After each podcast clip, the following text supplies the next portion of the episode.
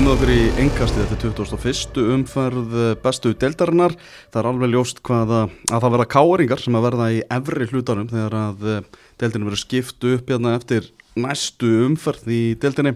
Það sem að eh, káeringar unnu sigur á móti stjörnunni 3-1 í, í gær og á sama tíma þá náðu Já, keflaði eitthvað og fram ekki að, að vinna sína leiki þannig að káringar verða í efri hlutanum, það er staðfest. Förum yfir alla leikina í þessari umferð og ætlum einnig að heyra í góðum mönnum í þættinum í dag. Þetta eru svona aðeins svona þetta er viðhafnar útgafa af, af engkastinu og, og í lok þáttarins þá ætlum við sérna að spila viðtal Sæbjörn sem, mm. sem að þú tókst við, við nökkva. Já, það fegst leiði þess að þetta ræði við nökkva. Það hafðist. Já, verður fróðulegt að í, heyra í, í nökkva sem er ennþá markaðisti uh, leikmaður deildarinnar þáttur að fara nú til, til Belgíu uh, Gummi, þú ert þetta með okkur líka. Takk fyrir að bjóða mér. Já, bara rosa gaman að fá þig. Þú skelltiði nú á, á marka leik í, í gæðir, FHIA Svo sannlega, virkilega skemmtilegur leikur og, og, og svona nógum að vera í þeim leik. Já, förum í hann og eftir, byrjum á Akkurir byrjum á Greifavöllinum, uh, K2 Breiðablík 1 Rodri sem að kom K1 yfir í þeimleik eftir 25 minútna leik.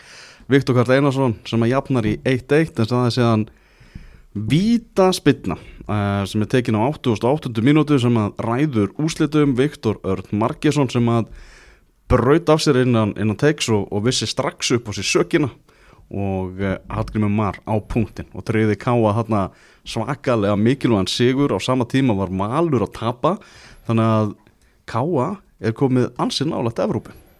Já, það vantar ekkert upp á það. Þeir eru í bara í hörku, hörkusjans og, og eru, ja, veist, þeir eru bara með pálmar í höndunum ef við gefum, gefum, gefum hérna göngum út frá því að vikingur klári að fá Já, þetta þarf náttúrulega að vera þannig. Við erum bara með þrjú Europasæti þannig að eh, vikingur þarf að vinna FH í byggar úslitunum og þá fer þriðja Europasætið yfir í þriðja sætið í bestutöldinni og þar eru káamenn eh, sem stendur og komum með hvað áttasti á fórstu eftir hennar sigur á, á val.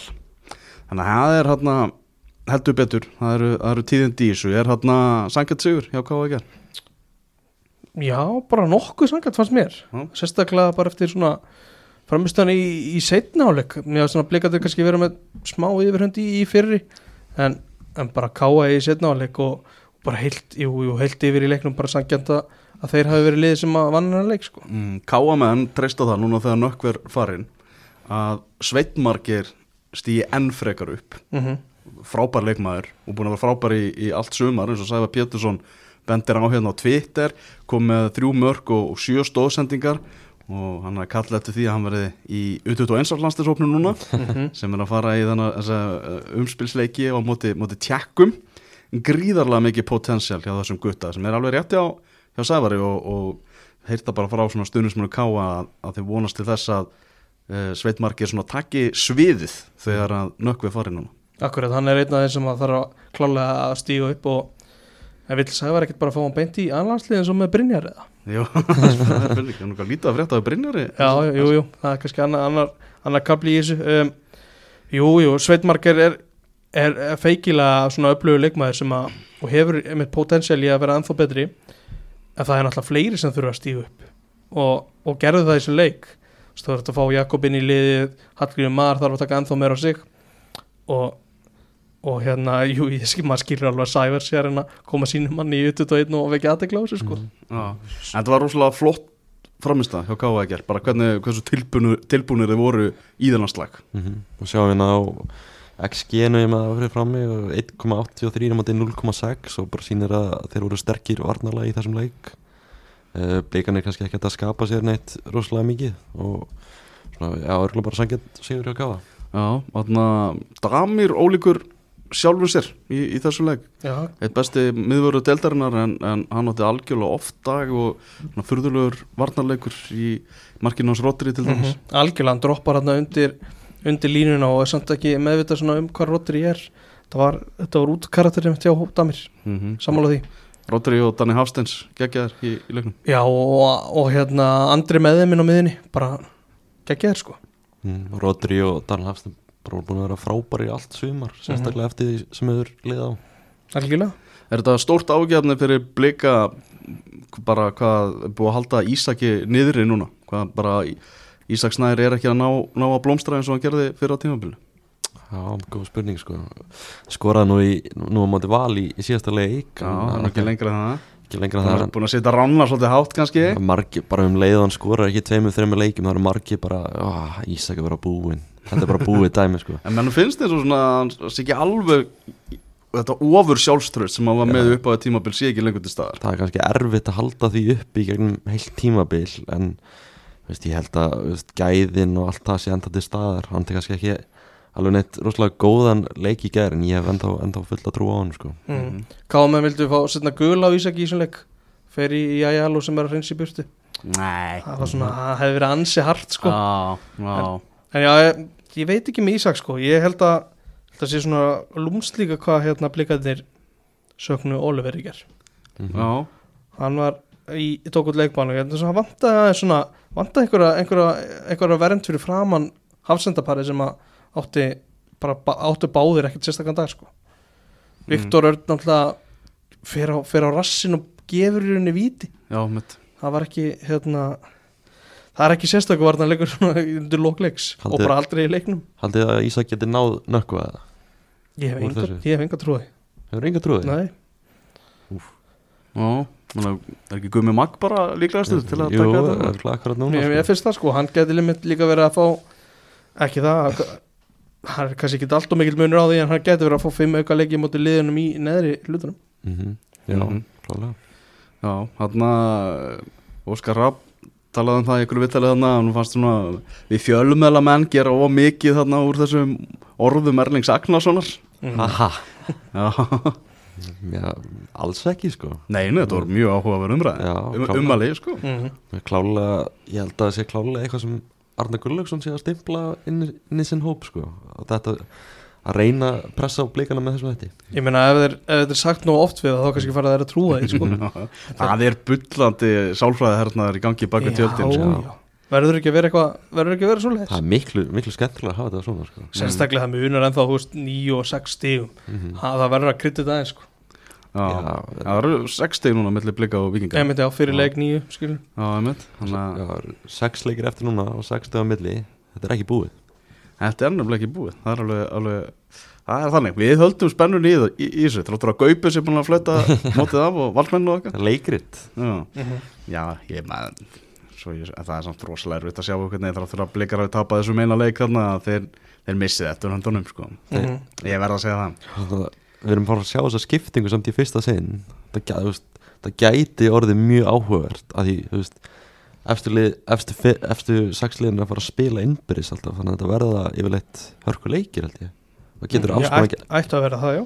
getur alls konar gerst, gerst í þessu. Já, algjörlega. Mm veist, eins og, já, við komum setni inn á það er að þjálfari lesi í efri hlutunum sem að kannski ekki fara að gera litla hluti ætlar að taka þátt í þátt í þessu og, og hérna hafa áhrif þannig að, Mm. Eitt sem að Káa kom með, eru konum með bara bísna flotta breytt við bara horfum á varmalabekkin hérna Brían Vanden, Bókaert uh, Gabir Dobrovolits uh, Bjarni Aðarsteinsson, Elvar Átni Aðarsteinsson Ásker Sigurgesson, Mhm. varmalabekkurinn geggjaðu bekkur. Já, bara frábæð bekkur. Já, þetta er alveg Já, var ekki Ásker sem hann náði hann í vitið Jú, Mm. jú, jú. Ek, ekki fyrsta vitið sem hann er í? Nei, nei, gerir vel, bara sækir þetta viti Já, og, og, og Viktor býður upp á þetta. Mm Það har réttu dómur allavega, fannst mér. Uh, Já, Jaló, kannski aðeins að tala um hann. Já, Hann hættu svona pluss og mínust einhvern veginn já bættu upp fyrir mistökin sín. Já, gerir það svo sannarlega. Virkilega vel vara á móti Viktori Karli. Hann er rétt, á- áður að fá vítið Mm. og svo vera hann að auka spilnum frá degi þann bara svona já, vann, vann tilbaka eftir þessi mistök sko. mm En þú verður að halda um stýrið á Akureyri. Mm. uh, Myndur þú vera að hugsa um að fá annar markmann? En það er bara já, já, og Já, vá, bara þetta, besti kostur sem þú getur, getur hugsað þér þetta er mjög góð spurning sko. ég, hérna, ég held að ég myndi allavega klála kanna landslæðið Ok, Já, ég líka ég myndi alveg, ég færi alveg þangað að ég heyra í, í Sindra hjá Keflavík eða skoða hvað erlendi sko. mm. þetta er alveg, alveg kostur sem ég myndi skoða þetta er, þetta er, þetta er mjög góð umræð Hvor- hvort þetta sé, já, já, hefur ekkert verið allslæmur, hann er samt búin að vera svolítið mistækur Já. mm, ég held að sáum líka hann að gefa víti og svona Ég held að eins og Stanka segir um þeir alveg klálega að skoða málum það verður ekkert harð ákveðin eftir tímumbil með markaðarstöðuna. Mm. en er stupurinn alveg búinn að fá ekkert comeback í honum? Hann kemur ekki tilbaka á þessu Það held ég ekki. Ég held að það sé game over þar sko. Akkurat, uh, fyrirli Káa, ég rætti nú aðeins við hann. Ívar Örn Árnarsson Já, Já. Hann er að fá mikið lof. Já hann hefur bara verið flottur. Það var hann það var atvik sem að það sem að hann lendur á stönginni. Já. það var ansi óþægilegt Það var að bara vond, vond að horfa á þetta. Já, og svo endur Já. sínt og maður ah, ekki gera okkur þetta sko. Já, og lendi hann bara Já, bara stöngi var bara mætti í, í klófið á. Hann mm, og maður sá bara að hann var sárkvalinn sko. Var, á, Og lengi líka. Ógeðslega lengi. vond að horfa á þetta. Já, þú, já, þú heyrður í honum, ekki að heyra smá Jú, brotur úr þessu? Gera það. Byrjum bara á hérna máli málana höggið á, á stöngina. Hvernig, er bara, hvernig líður í dag? Ég er allt í, það er allt í góðu sko, ég, pungunni slapp svona mestmegnis Já, sem betur fyrr, þetta var svona höggi fórilega mest bara á spöngina sko, á bara hérna píku beini sko, já, en þetta var einhver, einhver vesti sársiki sem ég fundið á, á þessum, mann ekki sjö mínútum eða eitthvað, bara á æfinni sko, mhm. En ég er góður í dag, það er, það er svona sem betur fyrr. Svona þegar, þegar þú ert svona, svona meðtakaðan að sásöka var aldrei bara hugmyndir að fara bara út af Já, tók ekki mál, það var lítið eftir og þú veist, svona, ég fekk minn tíma svona til að recover þetta og svo fann ég bara að ég, ég var alltaf að fara að geta haldið áfram að þú veist, þegar svona sársíkin er aðeins að minka. Mhm. Þannig að ég tók ekki mála ef ég get spila og það var ekki fræðilegur ég var að fara út af sko. Nei, ég skilji Hvernig var hérna svona tilfinningi svona þegar þú sér líka sér grímsa klára þessa vítaspinnu? Já, fyrsta tilfengi var alltaf bara, ég, ég hef ekki hugmynd um hver ætlaði að taka þetta viti. en, en svo þegar ég sá hann tók, tók við boltanum og hann lukkaði fyrir að vera með mikið sjálfstyrst, þá, þá minguði aðeins áhugjurnar. Og svo fannst mér alltaf að fara heldur snemma að línuna, hann að Grimsi gerir bara vel og, og setur hann í vittlust hóttin og, og treði okkur í raun stíðin þrjú. Hann og, og ég að með og svo alltaf frábæra, frábæra vörslu í upp á tíma. Áttur að fá vítaspinnu þegar að, í þessu atveki þegar þú meðist? Um, sko, það sem ég ætla að gera er náttúrulega bara, ég ætla bara að gera svipa og, og hérna í framleiknum þegar að Ólafur Ísól missir bolta, boltan inn, ég ætla bara að keira eins í markmannin og þú veist, breyðablík eru náttúrulega bara stórhættilegur í, í counter, hann að í vestafalli ætla ég bara að keira inn í Anton og, og fá aukarspillin á mig og, og hérna allir geta að skilja sér í stöðu en svo bara um leið og ég hoppa upp þá fæ, fæ, ég bara stiff arm frá, frá Viktori og sem að bara beini mig beint að að hérna stönginu og ég er bara komin í lofti og gjössalega varnarlaus. Ég, veit ekki hvort ég víti per se sko en þetta var allavega helviti vond og ég skil líka Viktor alveg vel sko. Ég meina ef þetta væri markmaðurinn minn þá myndi ég örgulega gera það sama til að reyna að ver, verðan skilur við en já ég veit ekki hvort þetta var víti en ég einhvern veginn í reyð minni og sásöka hann í, gær þá, þá fannst mér þetta klárlega að vera víti eða, eða, eða guldspjall allavega á Viktor sko. Mm -hmm. en hann getur ekki dæmt uh, guldspjald á hann og, og ekki dæmt víti þannig að nei, segjum bara nei. Akkurat, að því, bara að því að ég sagði nú að þetta verið síðast spurninga, að því kostum inn á Markmann og Viktor uh, Já, ég alveg verið alltaf frá Viktori Karli bara rétt á undan undan því að þið fáið vítaspinduna hversu bara mikilvægt það? já, þetta var alltaf bara ég segði líka beint eftir leik við já, já, þetta hefði verið game winning uh, varsla hjá honum. Því að sko, hann er ekki mikið búið að tala um það en það er klárlega brotið á Þorra í fyrra markinu hjá Viktor Karl Mm. ég tekla boltan í sköflungin á, á Viktor og boltin svona poppar út. Þorrið er bara að fara er bara að fara að taka hennar bolta. Þá kemur Kitty Steintós og fellir hann hann Já. ég skil ekki ekkur að ég, hef ekki séð neitt talað um þetta. Þetta var bara klárt brot. Og já, ég er náttúrulega svolítið gripin í landhelgi að, hérna, að reyna að lesa. Sem að markmann gera náttúrulega bara oft og, og en voru náttúrulega bara mistök en hann gjörsanlega bætti upp fyrir það með þessari frábæru vöslu og svo líka vöslinu náttúrulega múti í úr aukarspilnum frá degi dan sko. Þá- það hefði náttúrulega verið helvitis rýtingur í baki að þessi leikur hefði endað svo í jafntöfli eftir alla erfiðisvinnuna sem voru bara leikinn sko. Það komið Ívar búin að vera alveg hrikalega öflugur Já, hann er búin að vera bara algjörlega frábær tekið þessa stöðu þarna vinstra megin í hafsendinum ég var að tala hans við hann um daginn og hann var svona, ég hef verið að flakka á milli þess að spila sem vinstri bakverður og miðurir og sagði mér að Eyju Púrisett spurt hann að því hvort hann veist, vildi spila sem vinstri bakverður Já. eða miðurir og þá sagði hann við hann uh, að hann liði betur sem vinstri bakverður og þá sagði Eyju að það væri rangt hjá hann hann væri miður, og Eyjúb veit Eyju veit sko. mm. Ég veit. Og ég var búin að vera bara geggjaður í suma fyrir káa og stór ástæð fyrir því að þeir eru með gott varnarlið. Mhm. Já, og í þessu leik var að koma líka með, með dúsan sko. Mm Já, það hjálpa náttúrulega greiðalega dúsan en geggjaður sko. Mhm. Já. Eitthvað um bleikarna lókum Já, heyrðum ég aðast áhugavert að Dav Ingvarsson er ónöndað varamæður Þetta er hérna, tók ákvörðum fyrir leikinu á móti Vala að David Dan færi í vinstri bakverðin Mhm. og þá kom Davíð inn á. Núna kom hann ekkert þessu. Ég veit ekki alveg hvort það sé bara framist að hann þar á undan eða hvað það er sko. Mm. það er ekki, minnst þetta að því að þetta var bara búið að ganga svo smúð í allt sumar með hann í vinstri bakverðin Mm það er eitthvað hann Haldið þið að bleikarnir geti eitthvað panikað núna á, loka Upp á svöfraðan Maður er svona tekið eftir að mikið svona rætt um þetta í fjölmjölastókum landsins og, og svo Mm. leið sko. Já, það þarf að finna eitthvað til að tala um. Já, já. Akkur, hvað er þetta, sex leikir, sex stig? Að klára þetta alltaf. Já. Sam, Samfærandi Þarna, förum í næsta leik Förum til á HS Orkuvöllin Keflaðið 0, Víkingur 3 Og á þeim leik, Sverrir Örn Einarsson Skrifaðan þann leik fyrir .net. Er á línunni, blessaði Sverrir. Já, sælis.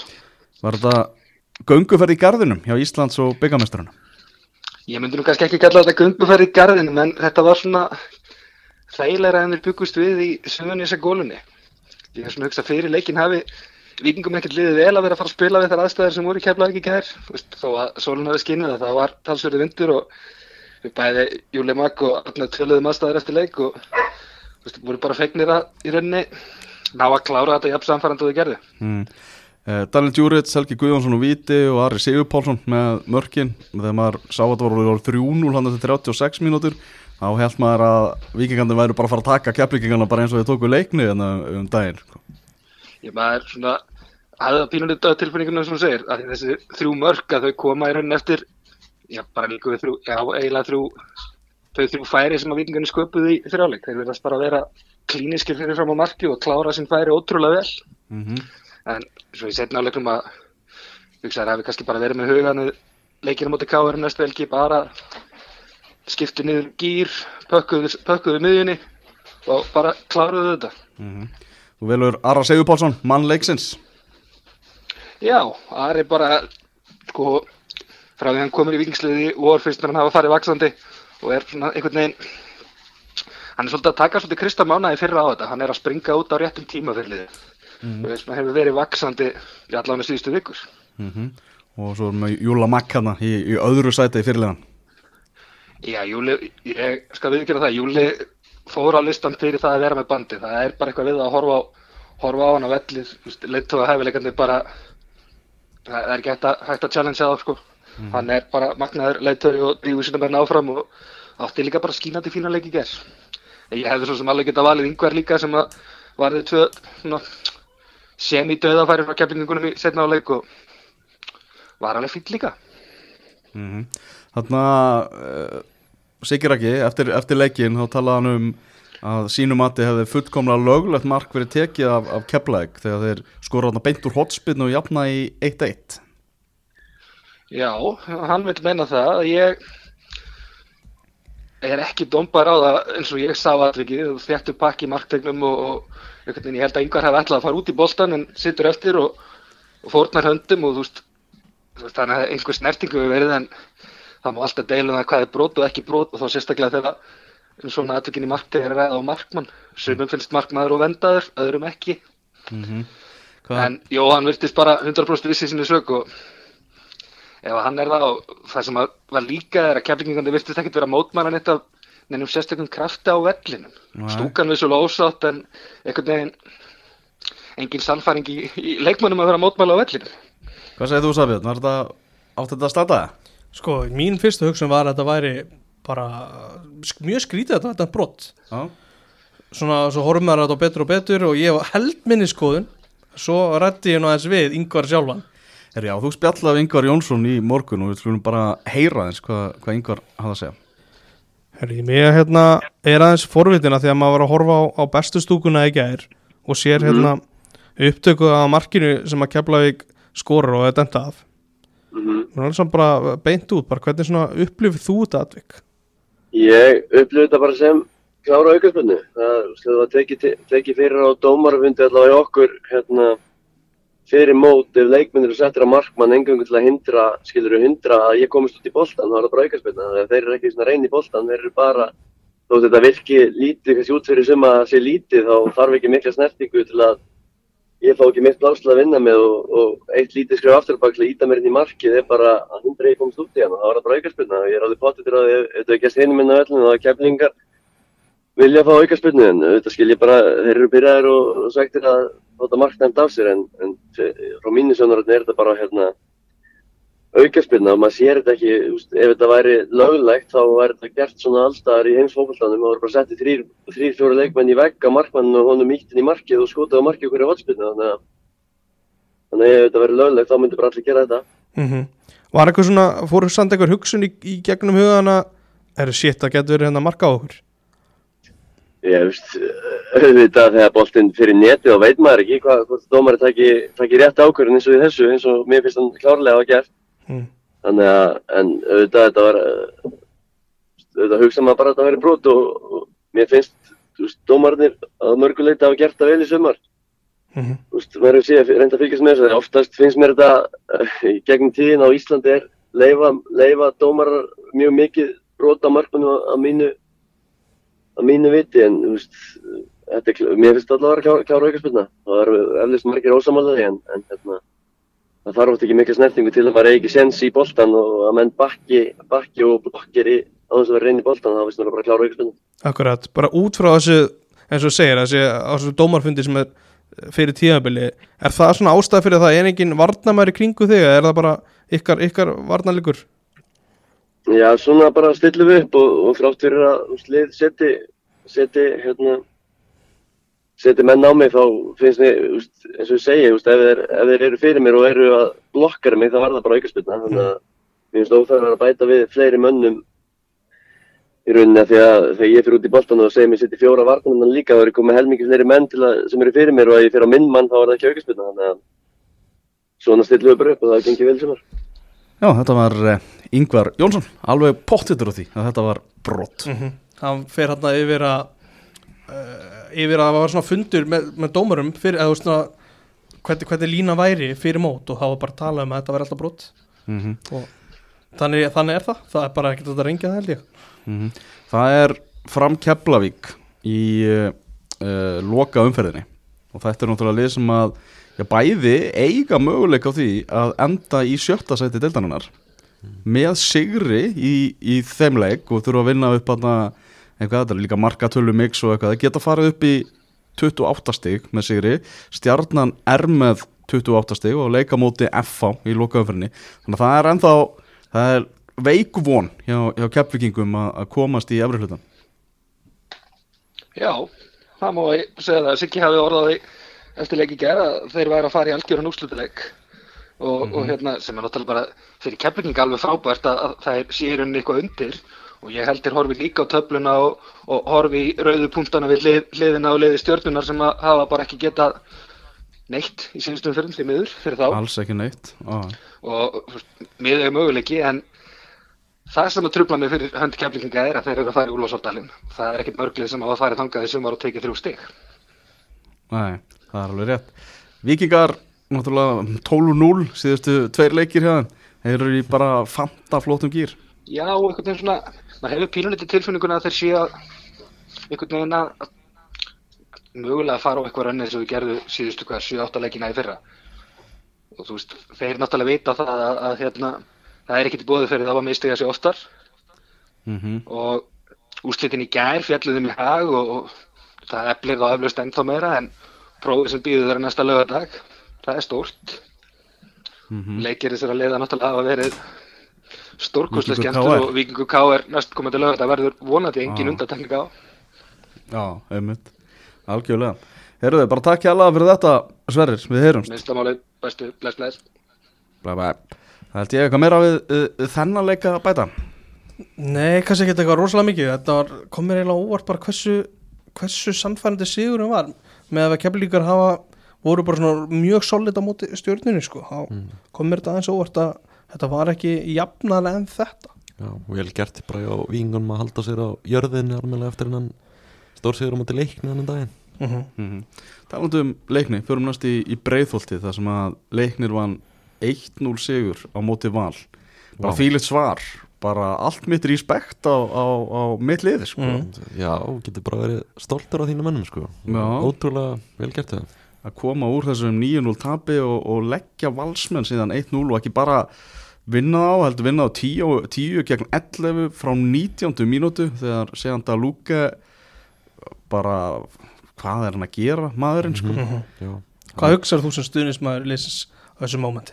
Sko, það var, náttúrulega engin hætt og var ekkert í gangi sko. Mm. þannig að ég var bara að horfa á eitthvað annað sko. ég var, fór eitthvað í síman eða eitthvað en síðan sá maður þetta náttúrulega bara í sjónvarpinu og þetta er bara eh, eldraut Mhm. Það sem hann er búin að vera góður og fara svo bara í eitthvað svona byll já, Siggi höfskuld talaði um það hann er búin að vera svolítið svona hann er búin að vera að veiða hann er búin að ná sér í spjöld og hann er svona hann lætur finna fyrir sér uh, þessi, þessi gæi. Og maður hugsaði bara svona líka þegar hann var farin út af bara, þú veist, ef að leiknir á að skora í þessu leik, hvaðan á það marka að koma eiginlega, uh, Birgir Baldvinsson. Auðvitað. Já, hann, þetta er náttúrulega káa maður, er á lánu frá káa og gerði káa þarna því líkan greiða, þessi mikli toppmaður þegar hann skoraði þarna á 81. mínútu leiksins Mm. og um, stóðsending hana frá uh, Davíð Júlían Jónssoni sem var að spila sem fyrsta byrjunleisleik 18 ára strákur sem var ótrúlega góður á miðsvæðinu og hann annars bara bossa miðjuna sko. Er þetta, DSJ Akademian? eða? Já, þetta er, jú, jú hann hefur eitthvað verið með puttana vantilega í, í honum eins og margir góðir hana en já, Davíð Júlían bara ógeðslega góður í, í, í þessum leik og mjög skemmtilegt að, að, að sjá hans framistu og algjörlega svona óhrættur og, og var bara mjög duglur í því að halda boltanum líka uppi það, Já, mjög, mjög stert hjá hann að koma inn En enn og aftur er að sjá Viktor Frey Markverð leiknist í upp. Já, hann var flottur. Man, man, Fyrir tímanbili var allir að tala einhvern veginn um það að hann væri svona kannski veiki bletturinn í þessu liði. Hann er bara búin að afsana það bara í allt sumar. Mm -hmm. Verið bara fárunlega flottur Virkilega flottur. Mm -hmm. Já, líka bara að vinna þetta svona meðsla listin orðin helviti langur hana margi frá út af höfuðhöggum hjá, hjá leikni. Uh, vantar, vantar hana í vörnina en halda hana hreinu á móti valsmönnum. Mm. Við tölum um það ég allavega nefndi það í útastættinum að það myndi komið ljós hvernig hópurinn myndi svona meðtaka svona skilabóðin sem að Siggi var með eftir síðasta leik, ný- eftir stórtapið þeir sem að setja stór spurningamörki með viðtalið hans viðtalið við hann eftir þannleik, eftir 9-0 tapiðið já þetta er bara, þeir gera það ekki í dag. Nei. Siggi Höskuldsmaður Hann er, veit alveg hvað hann er að gera ah. það var nálgun sem að, já, að hópurinn tók allavega vel í þetta mm Mm. En mér finnst eða bara sko stærsta málið í þessu hversu lélegir valsmenn voru í þessum leik. Já, Það var eiginlega bara sko sjokkerandi hvað er bara lélegar sendingar, ógeðslega lélegar ákvarðanatökur, trekk í trekk voru hægir, virkuðu áhuga lausir og bara einhvern veginn illa undirbúnir fyrir hennar leik. hægir er svona það sem að ég tók mest út úr því sem ég sá Já. það var bara hugmyndað snögt og, og ég veit ekki að mikið svona fyrir, einhver reyna einhver djúpa fyrirgjafir sem fór gegnum pakkan og út af vellinu það var allt mjög svona hægt fyrirsjánlegt og það vantaði alla orku í, í sóknarleikin sko. Þeir, þeir stuðnismum alls sem að mættu þarna á völlin voru bara einstaklega pyrraðir og, og reyðir og, og það var meðal annars þegar Siggi Lár var að ganga þarna til búningsklefa eftir, eftir leikin, þá var einhver, að, einhver vals, valsari bara svona hrópandi á hann bara, er þetta bóðlegt og, og eitthvað í, í þessum tón sko. Mm. það vantar svona mikið í valsliði þegar Aron Jó er ekki með. Það vantaði Tryggvar Hrafn og Guðmund Andar sem er svona þeirra, þeirra sprengjur svolítið. Vandaði Haugpál Vantar Pál. Haukbál líka Já, já já það er kannski minn sem minni sprengja í honum. Já. í hraðalessi en það er klárlega hjartað í honum sem að kannski keiri menn í gang, ég er sammála því. Það, já, kannski samt og mikið eitthvað að vera að tala um það þú veist, þú veist, einum fleiri gegn liðið sem er á þú- fallsvæðinu í 70 þú mínútur ert alltaf að finna opnanir, það er alveg klárt. Já. það er alveg nöfn í þessu liði þú veist, Ágúst Eðal Lindsson, Patrik Pedersen. Þú veist, Þetta er leikur sem við bara mátt ekki tapa í þeirri vona að geta mögulega enda þetta tímabil með Evrópusæti. Mm mm. og hérna annað tímabili í röð. er ekki eiginlega svona bókað núna að Óli Jó verður ekki aðna eftir, eftir tímabil? Ég myndi segja að það sé svona 110% 100, að- það er ekki hægt að fara yfir 100 komi. 110% 100% 100% Þarna, Ég þarf að fara nýja starfræða og læra þetta.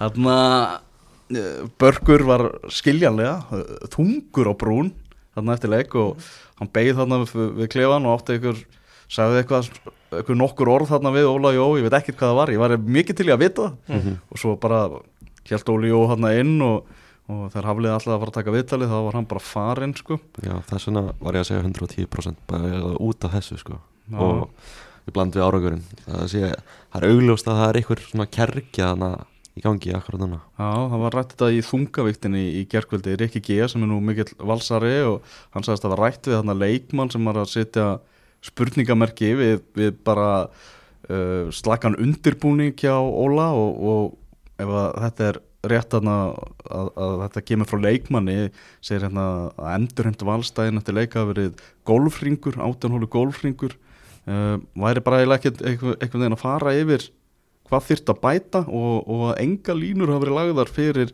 leikmenn vals, fyrir leikingak leikni í ger Já, ok, þetta bara fullir þér Ríkar Óskar Gunnarsson sko. mm. wow. það er stórt Hvað byrju var sem fóruð þeir allir saman þá bara í golf eftir leika já, veist þér það Óli Jó bara draga alla í golf. Já.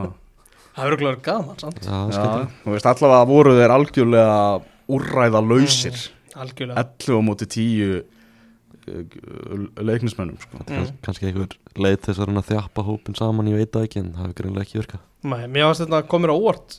Bara viðtalið hjá Óla við stötu sport, maður sá það í svona eftir leik. Bara hann ég er bara sjaldan heyrt hann gefa bara jafn mikið af sér sko. hann er oft svona stutt, stutt, stuttur í svörum en hann fekk hann einhverja þrjá fjóra spurningar sem að var bara vel svarað. Ok, þannig að það kom mér aðeins óvart. Um, já, með Óla þeir eiga hérna hvað er ekki káa í næsta það þeir geta búið til hann eitthvað fimm, fimm stiga káa heima. sem að er, þá verður það miði möguleiki sko. Það er ekki, er ekki mikið meira það. Ég myndi fara í líkindarekningin ef að ef að Evropasætti skiptir máli þá erum við að tala um svona 95% líkur og Óli og verið ekki á. Já, Ólaður Davíð, hann þarf alltaf að kraftaverk til að valin á öðrubusetti sko. hver heldur að verður þjálfur vals á næsta tjófili uh, Mikið búið að tala um Heimi Hallgrímsson en núna er eitthvað sögur um að Heimir sé að fara út. Já, það er ekkert meira heldur bara að sé viðraða við útlönd. Já, Mhm. hann er í viðram, ég held hann sé að fara til Katar eða eitthvað. Var ekki verið að tala um landslið Jamaica Jú, svo voru ekki eitthvað sögur líka um eitthvað landslið Írak eða eitthvað fyrir mánuðum ég, já, var það ekki eitthvað gamalt? Já, eitthvað gamalt. Já, ef Heimir tekur þetta þá held ég að það verði, þú voruð þjálfur í Kámanna sem takir þetta, Arna Greðursson Ég myndi gíska á það þetta já, já, ég er ekki, ég er ekki með neitt eitthvað gáfulega það sko. Mm. Nei. Mér finnst það skemmtilegt sjá tíu og þér Elvar með Bó Henriksson já ég var mikið til Já. að bó aftur til landsins sko. Bó Beck það er meira einhvern veginn bara svona draumur hjá mér sko, að fá hann í, í íslenska boltar aftur Það sko. er bara svo ógæslega skemmtileg pæling Já. að fá hann aftur, svona skemmtilegu karakter og... ég held því miður hann sé ofstór fyrir, Já. fyrir bestueldina sko. En ef eitthvað lið geti tekið þá er það valur sko. það er enda rétt sko.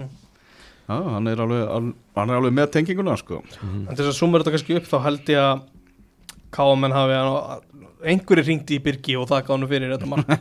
Þetta getur vegið þungt já, í þessu öllu saman. Það er óvægt að segja það. Ég var að fara, fara okkur í krigan komið Já, endilega. FH 6, IA 1 Mhm.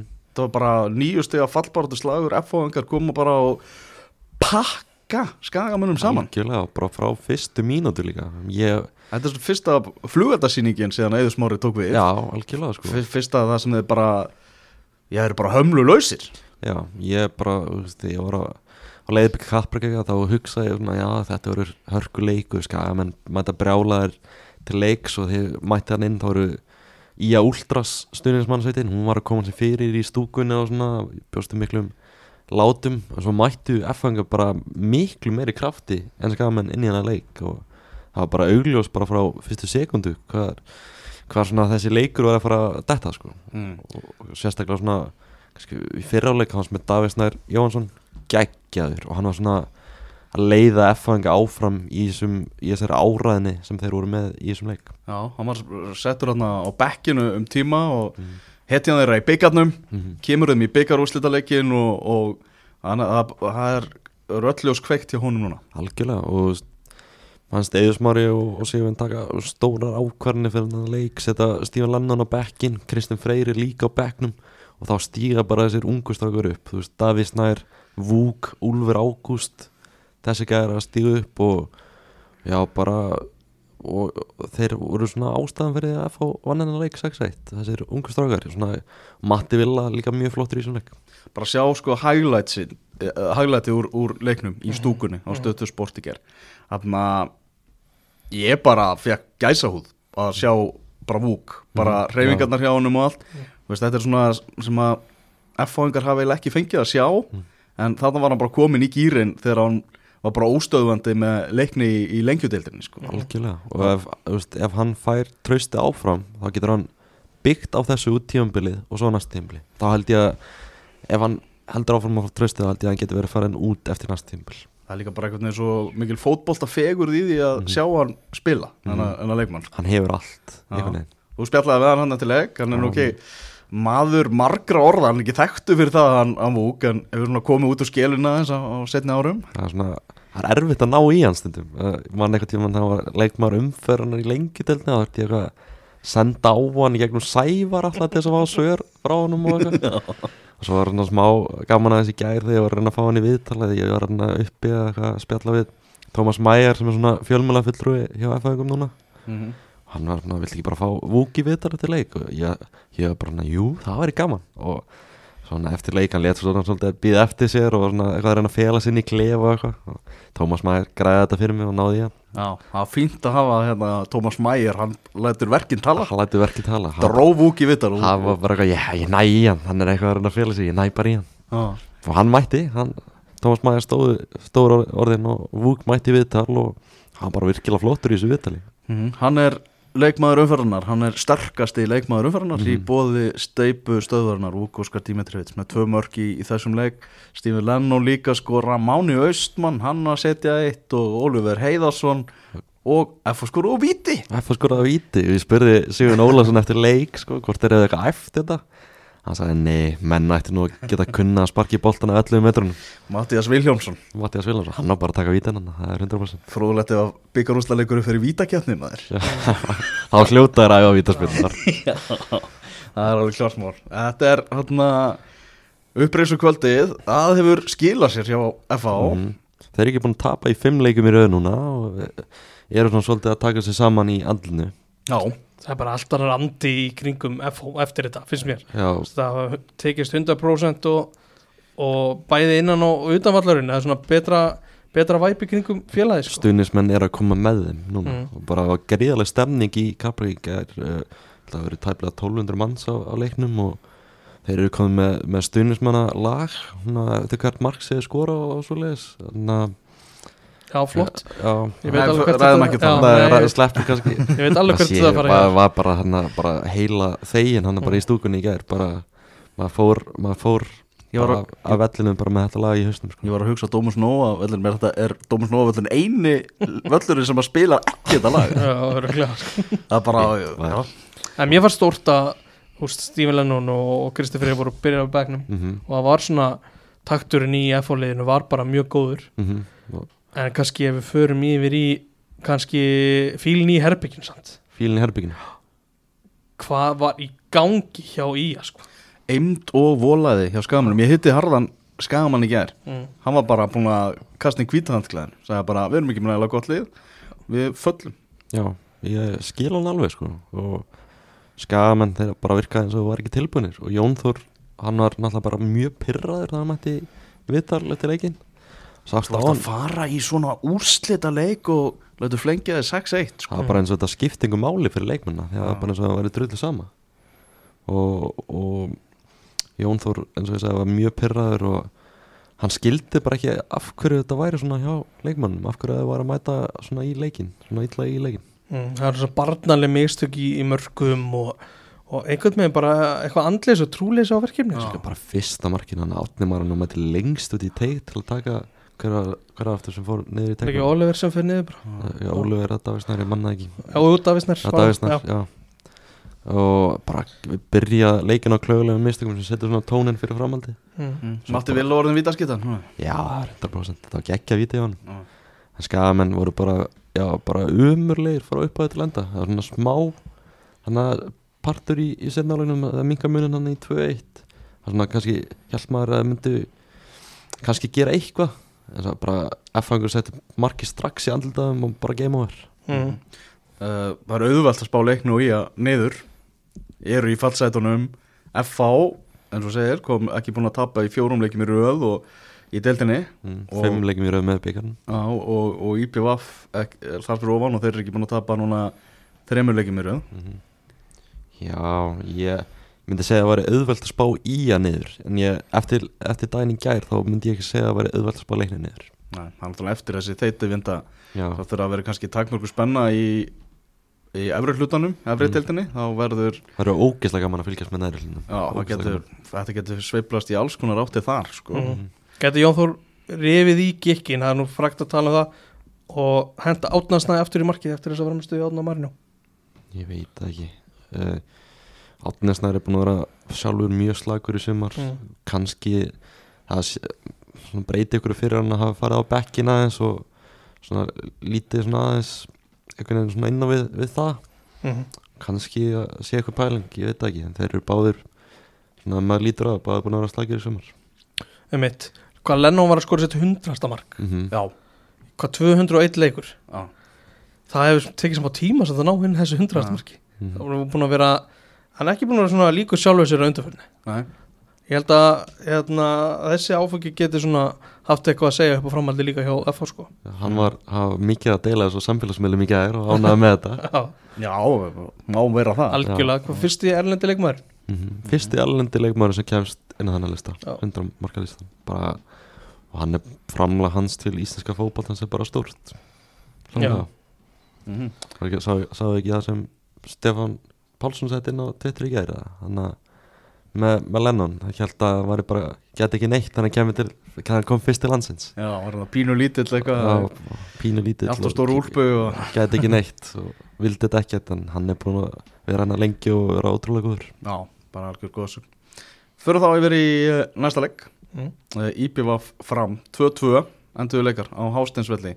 Gummi Magg, hann skoraði tvívegis, kom fram tvis var yfir setna markið hjá Gumma Magg Hvernig lýsar þessu? Það þessu þrumufleik Já, ég bara veit ekki alveg hvernig það lýsa þessu sko. þetta var bara fáránlega vel gert Hann getur skorað náttúrulega mörg í öllum litum regnbóðans hann, hann Gummi og er komin núna með 14 mörg mm -hmm. í deildinni er nú orðin næst markaðastur komin upp fyrir Ísak og er þremur mörgum frá Það var skemmtilegt þannig um daginn þannig að þegar hann var að tala um að það var ekki svona nægilega mikil umræð um sig. Ja, hann, hann, ég eins og stangast á hann, hann er orðin líklegast til að taka guldskóin Já, ég menna sérstaklega ef að ég menna ef að fram er að fara í, í neðri hlutan þá er hann að fara að skora meir en þrjú mörg, það er alveg klart mál sko. Já, Já. það er klart ég myndi halda að ef maður verið stöðlega þá væri hann ég myndi hal- segja að hann og Nökkvi væri jafn líklegir eins og staðinu núna. Já, Það er eitthvað, nökkur myndi bara taka guldskóin hann er farin út bara þegar það eru 7-8 leikir eftir. Já. Jú, talandi kannski um Nökkva í lók þáttar eins og og að kom inn á þá spyr ég líka Nökkva eins út í guldskóin það er frólægt að heyra það. Mhm. uh, Telmo valinn maður leiksins hann skoraði jöfnunumarki 2-2 uh, Alexandra Bía sem var hann á, vellinum segir hann hafi verið flottur á miðunni var að dreifa bóttanum vel út á vangina tekur Guma Max eða hann nummer, nummer 2 en uh, þetta stig hvort lið er ánara með þetta stig? Ég held að IBF sé klálega ánara með veist, þá bara sem þeir eru í. Já, Jón Sveinsson líka kvartið því að það sé að gefa, gera ómörg í jafntefli. Mm það er komið tíu í jafntefli hjá fram. Wow. wow. rosa mikið maður. Í 21 leik, tíu í jafntefli. Þegar þau mátt tapa sex leikjunum og vinna fjóra Já, þá erum við fleiri stíðmar ég var að rekna þetta. Stígin telja samt öll sko. IBF var miklu betra í, í þessum leik. Það voru miklu sterkari aðri mm. Já. ég sammála því mm mm. Þú heyrður einhverju manni tendu þessum leik eða ekki? Jú, Alex Freyr Hilmarsson skoraði fyrra mark í BF og mér varst fagnir þess aðteklisvert og bara langaði þess að spyrja hann út í það og, og aðeins bara úti í sumarið og svona Mm. þannig að það við heyrum smá í honum Heyrum smá í hvað, hvað Alex að það segja Herði, þetta átti nú ekki að vera neitt rosalega langt ég ætlaði bara að velta fyrir mér hvort það getur útskilt þetta fagna þér í gær Já, hérna, einmitt, það er, er gauðan í eigin sem heitir, Örn Hilmisson mm. og hann hérna, hann misti hendina fyrir akkurat 24 árum í gær, Mm. sátti það fyrir leik að stöpurinn væri 24 ára gammal. Þannig að þetta var nú ekki merkilega en það. er þetta einhver algjör mistari eða? Já, hann er búin að vera mikið í kringum, kringum þarna og, og ég held að hann held að sagða sér þannig að hann hafi fengið fengi leiði til þess að fara að spítalunum nokkrum dögum eftir þetta og fagna Íslandsmestartillinu með IBVF í frostaskjólinu. Já, þarna fyrir 24 málum mm, ég skilji. Eitthvað svoleiðis. Já. Bara að hérna að lokum, bara beint út í þig uh, vera hann í eigum, hvernig er þetta hvernig er þetta að fíla og finnir þú sjálfur stíganda í þínu leik? Uh, mér finnst þetta geggjað til að byrja með. Ég er náttúrulega bara utan að landi og lífhendum bara mjög vel. Mm.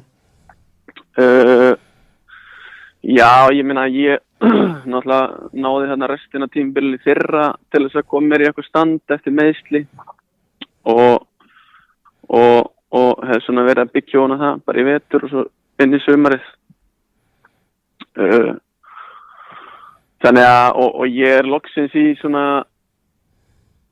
uh, ykkur svona áttu hlutverki sem að ég er mjög hrifin af. Ég hef ekkert mikið spilað það á ferlinu Mm spilaði þetta 2019 með K.R. árinni mittist og svo núna. Annars, annars hef ég mikið verið að nota út að kanti og okkur svona sem að ég held að en mér persónulega finnst ekki vera sko. Þannig að, þannig að þú veist ég er bara mjög sáttur með það sko Já, 2-2 enduðu leikar en spurning með þetta jöfnunamark hjá IBF 2-2 markið, var ekki brotið aðdraðandan? Jú, mér finnst það svo Sító brjótið á Alex Frey Elísinni Sko með var, mm. það er þetta mark ekki staðið. Ég, er, ætla- ég er nokkuð vissum það, já. Bara, ég ætla bara að fullera það. Mm. Þetta hefur verið tekið, tekið tilbaka og framhauð unniðinarleik Já, Ég er samt svo ánæður að sé ekki var í íslenska boltanum eða hvernig var hefur verið undanfari Sko ekki kenna varum þetta í er sammála. Þetta er ekki tæknin að kenna Þetta er mönnunum sem eru að horfa á þetta og taka rangar ákvarðanir að kenna. Það er bara, bara betri dómaratakk.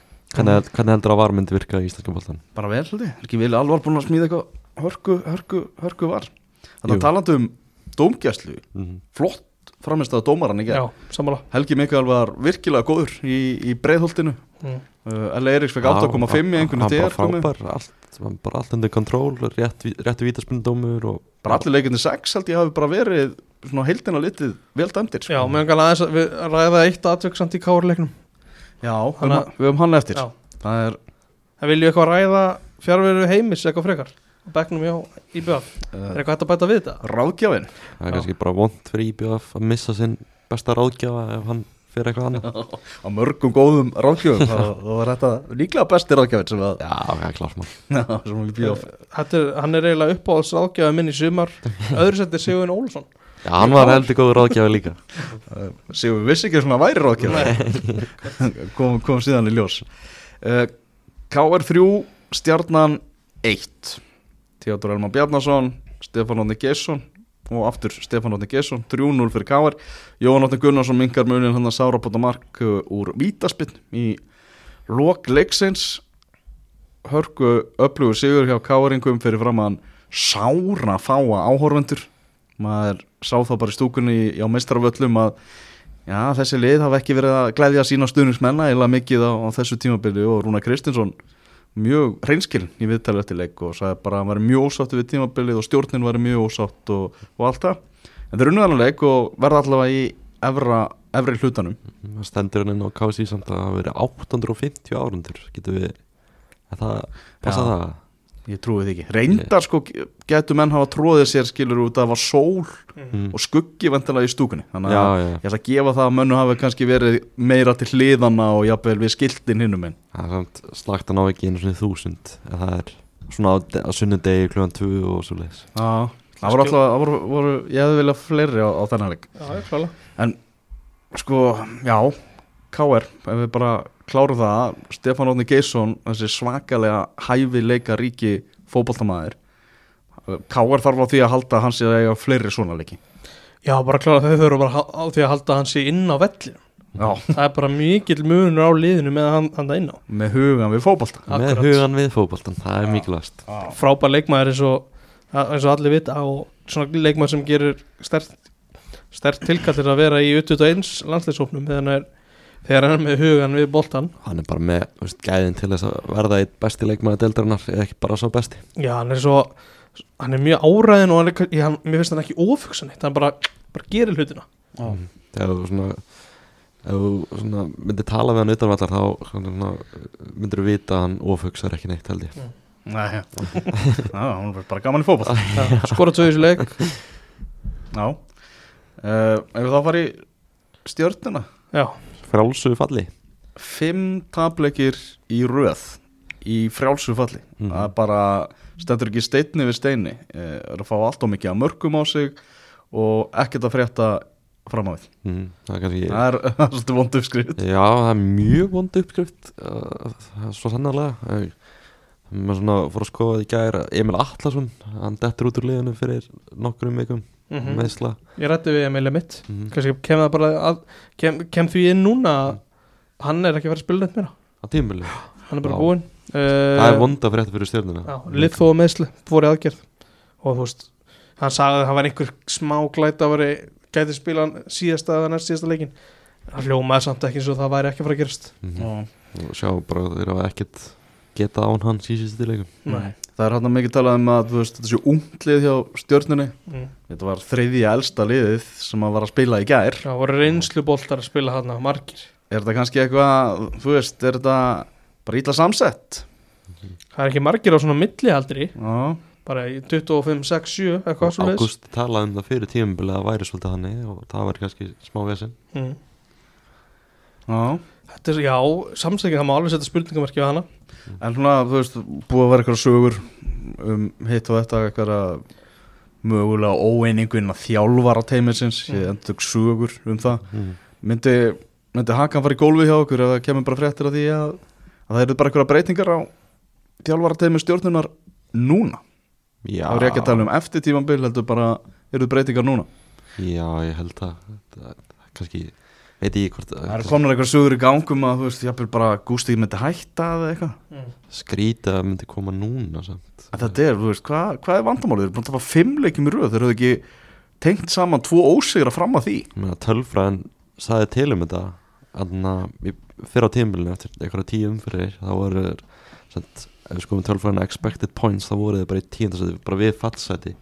Þannig að þeir voru kannski að fá ósangjönd stig ef við myndum orðaða þannig þannig að kannski þetta er svolítið bara sigur tölfræðina núna séu að tapa allir- öllum þessum leikjum. Þú veist, eftir svona fyrri helmingin á deildinu var mikið að tala um bara, þú veist, stjarnan á réttri leið það eru ungi leikmenn að springa út það er stemming, það er gaman að horfa á liði spila, en það er bara farið. Mhm. algjörlega. Það er bara fa farið út um gluggan það er mjög þungt yfir þessu einhvern veginn og jú, þú veist, ég get alveg séð eftir, eftir hérna næsta leik og í rannsækjafrínu bara tekin ákvörðum hvernig þetta verður bara næsta tíðumbili og, og svo, úst, svo ákvörð stendur bara í úslutakefninu líka. Gústi fara allavega næsta leik. Það er, ég get ekki fara að láta hann fara núna. Nei, ég myndi segja það að úst, eftir þann leik gætur, gætur hérna ákveða bara að það verður komið tími til að breyta þessu. Mm. við gætum hort á það strákar að stjarnan veist, ég veit að þetta núna er bara ef og hefði. Þeir gætu verið að fara að tapa sex leikjum í röðu, tapa næsta leik.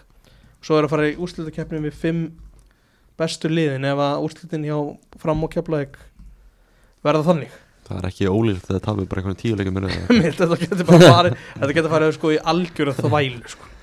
já, en hérna, ég vildi nefna þarna atriði í byrjunleiks Eh, Ísak Andri er Arnór Sveit brýtur á honum rétt fyrir þann teg það er gefur, ve, veittur hagnaður.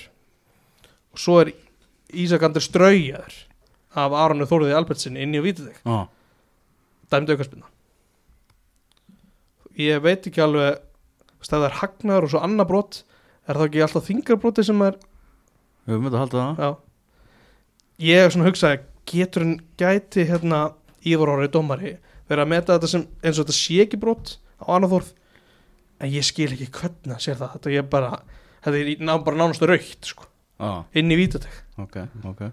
Þannig að það var, það er stöðinu 0-0 sko, þetta er svona alveg stórt atrið í leiknum sko. Hmm. Ívar Orri, sambandsteldar Ívar Orri hann er að dæmi riðilegkjafni sambandsteldar það er rosalegt. Það er skemmtilegt, Já, gaman að því. Gaman að vera með, með fulltrúa í, í skemmtilegustu kjafni í. Evrópu. Ég vildi bara nefna þetta þegar við vorum að ræða dómgæsluna. Ef við þá fara í eh, næstu leiki? Já, já, loka umferð. Lokaumferðin í fyrir tvískiptingu. Uh, Breiðablik IBVF Gummi, þú giskar á þetta. Ég? Gummi giskar. Já. Uh, Ekki Skrítið að vera að hugsa of mikið um þetta. Með, Í bara búið að vera að spila svo vel sko. Ég segi einn ég Já, ekki verið að segja. blikar að koma úr tapleik og svona. Já, já, heimaðalli og... Já, uh, fram keflæk X. Jafntefli í þessu mikilvæga leik Þannig að bæði lið sitja aftur með sárstennið og verða í næri hlutanum. Mm. uh, Stjarnan FH Tveir. Tveir, já, FH-ingar í gýr og sjötti tablikur stjörnunar í röð Ágerðan okkur breytingar á teiminu uh, Valur Káa X, þetta verður 0-0 0-0, Jafntefli. allir á völlin, voru eitthvað völlin uh, Ía leiknir. Vá, þetta verður leikur. Þetta verður leikur. Þetta er svakalegu leikur. Úslita leikur, Úsla þetta leikur er rosa leikur. Ég ætla að segja, að ég veit það ekki. Þú veist, í Últras Ía últra skila sigri Já, skagamannu mm, Ég ætla að segja X það er bara safe. Já, segi uh, Víkingu Káar, X á það? Nei, eitt. Einn á það? Já, eitt sko. Já, Vígan er vinna það alltaf. Blikar og, blikar og, og, og, og vikingar með á að sigra í, Klá, Klálega leikur umfyrirna samt myndi ég segja í að leiknir á skagan Það verður leikur sko. minnst það mjög margir góði leikir aftur, mm. aðra umfyrir röð. Já. Ánægð með svona hvernig þetta er að raðast sko. á, besta til er skemmtileg. Mm -hmm. Þegar ég með nokkra svona umræðu punkta þar við förum í viðtalið við, við nökkva. Ok, umræðu punkta í bóði White Fox það er Ok. okkar oka, oka menn. Uh, Heimi Guðjóns. Það er, er, er hann í viðræðu við HB eða ekki? Það er eitthvað leyndamál það var fuggla á vellinum í gæðir sem sagði mér að þetta væri viðkvæmt þarna í færum, þess vegna hefði formaðurinn verið að neyta þessu. Já, Viðkvæmt Já? Þeir eru með ennþá með þjálfara í starfi og Já. þeir eru í undanúrslitum byggarsins Ok, ég, ætla að bara reyka þjálfan, ég vissi það ekki þannig að það er hérna þannig að þetta er að eitthvað, eitthvað veginn að þessi staðfesting mögulega og heimi, þá er eitthvað svona aðeins tala af sér þetta í, við, við vísi Mhm. en hann, sem að fullist að hann væri í viðræðan við hópi, mm. Og hann, hann er mjög vinsall í færi rosa vinsall sko. ég hef verið með honum í færum og veist, þetta er bara eins og eins og sé sting hana, sko. þetta, er, þetta er rosalegt sko. þannig að annað þjálfara mögulegar þjálfara breytingar. Mm. Þið eru ekki að sjá breytingar í Garðabænum strax. Alla, ég get séð það, ég get alveg séð það. Já, Ég held að það verður alltaf ekki fyrir næsta leik. Nei, ég sé það ekki fyrir, fyrir næstu helgi. En getur séð það strax bara á sunnundag mánudag sko. Kannski ekki svona eigur mögulegan á því að kemur landstakja hljóða beint þannig eftir. Mm Mhm. Það eru hann að einhverjar fleiri, fleiri sögur í, í gangi. Um einhver, það verður margótt búin að ræða um val, verður margótt búin að ræða um eitthvað, þarna Gretas kemur hann í bæinn og, og allt það og, og ég við maður fótboltamála. Er eitthvað, er eitthvað meira, er eitthvað fleiri sögur? Nei, bara það er mögulega að starfa þarna í bóði í, í kórunum ef að Ómar Ingi fær ekki starfið. Hann fær alltaf starfi 100% Ég ætla að loka umferðin. um næstu helgi ljúka, ljúka þessu heimaleg þetta verður tilkynnt þá já, já, já, Ég ætla að spá því, þetta er mín spá Hérna er samt pæling Ef Rúnar Kristursson tekur EM að fótballmála hann var ráðið þangað inn Já. eins og, þú veist, eins og sögur sérnir um hann hafi áhuga á því allavega Mm. Hver tekur þá í KR? Verður það Bjarni Guðjóns? Bjarni Guðjóns Verður það Heimi Guðjóns? Heimi Guðjóns já. Búin að vera sögur um Heimi Guðjóns einhverjar, en hann verðist vera að leita færi að Er það?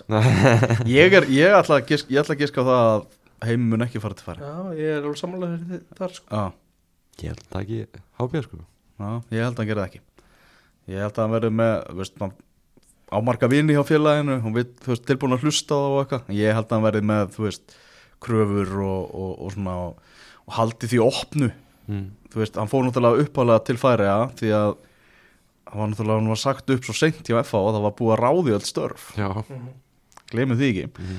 þannig að ég, ég ætla að spá því að hann verði, verði ekki, ekki færi. Bara spá uh, já.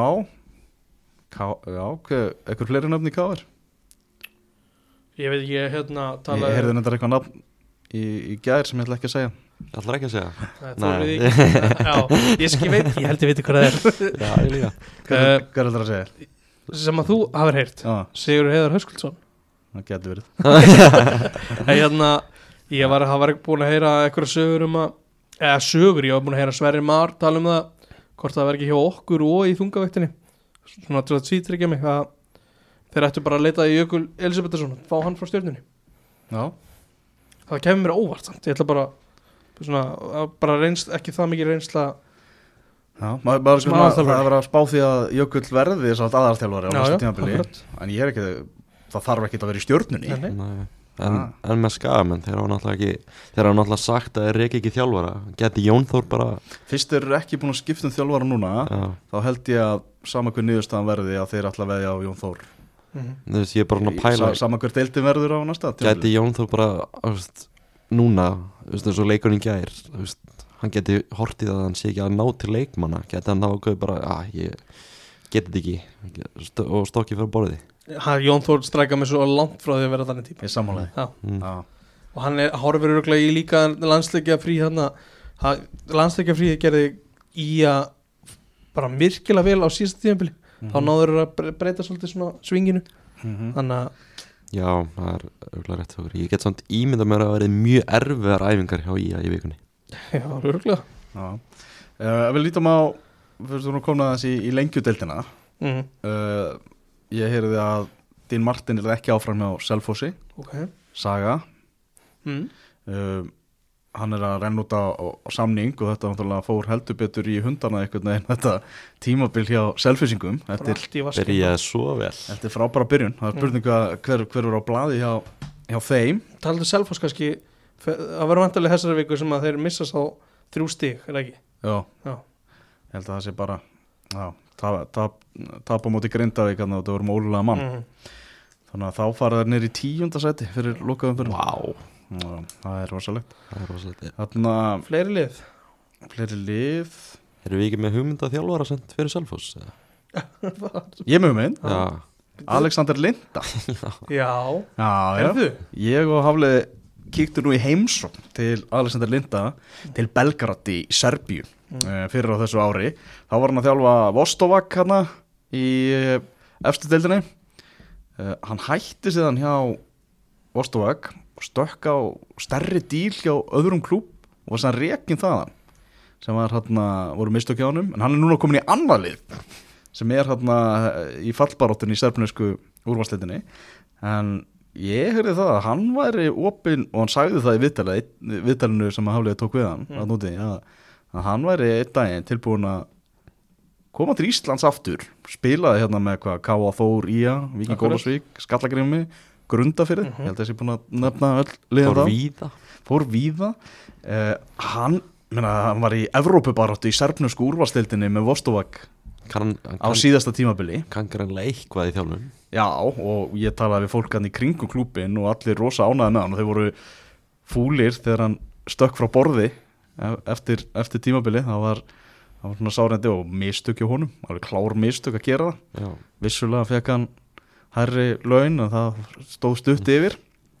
En Alexander Lind það er skemmtilegt nafn svona í þjálfara flórun á Íslandi. Já, já, alveg klálega.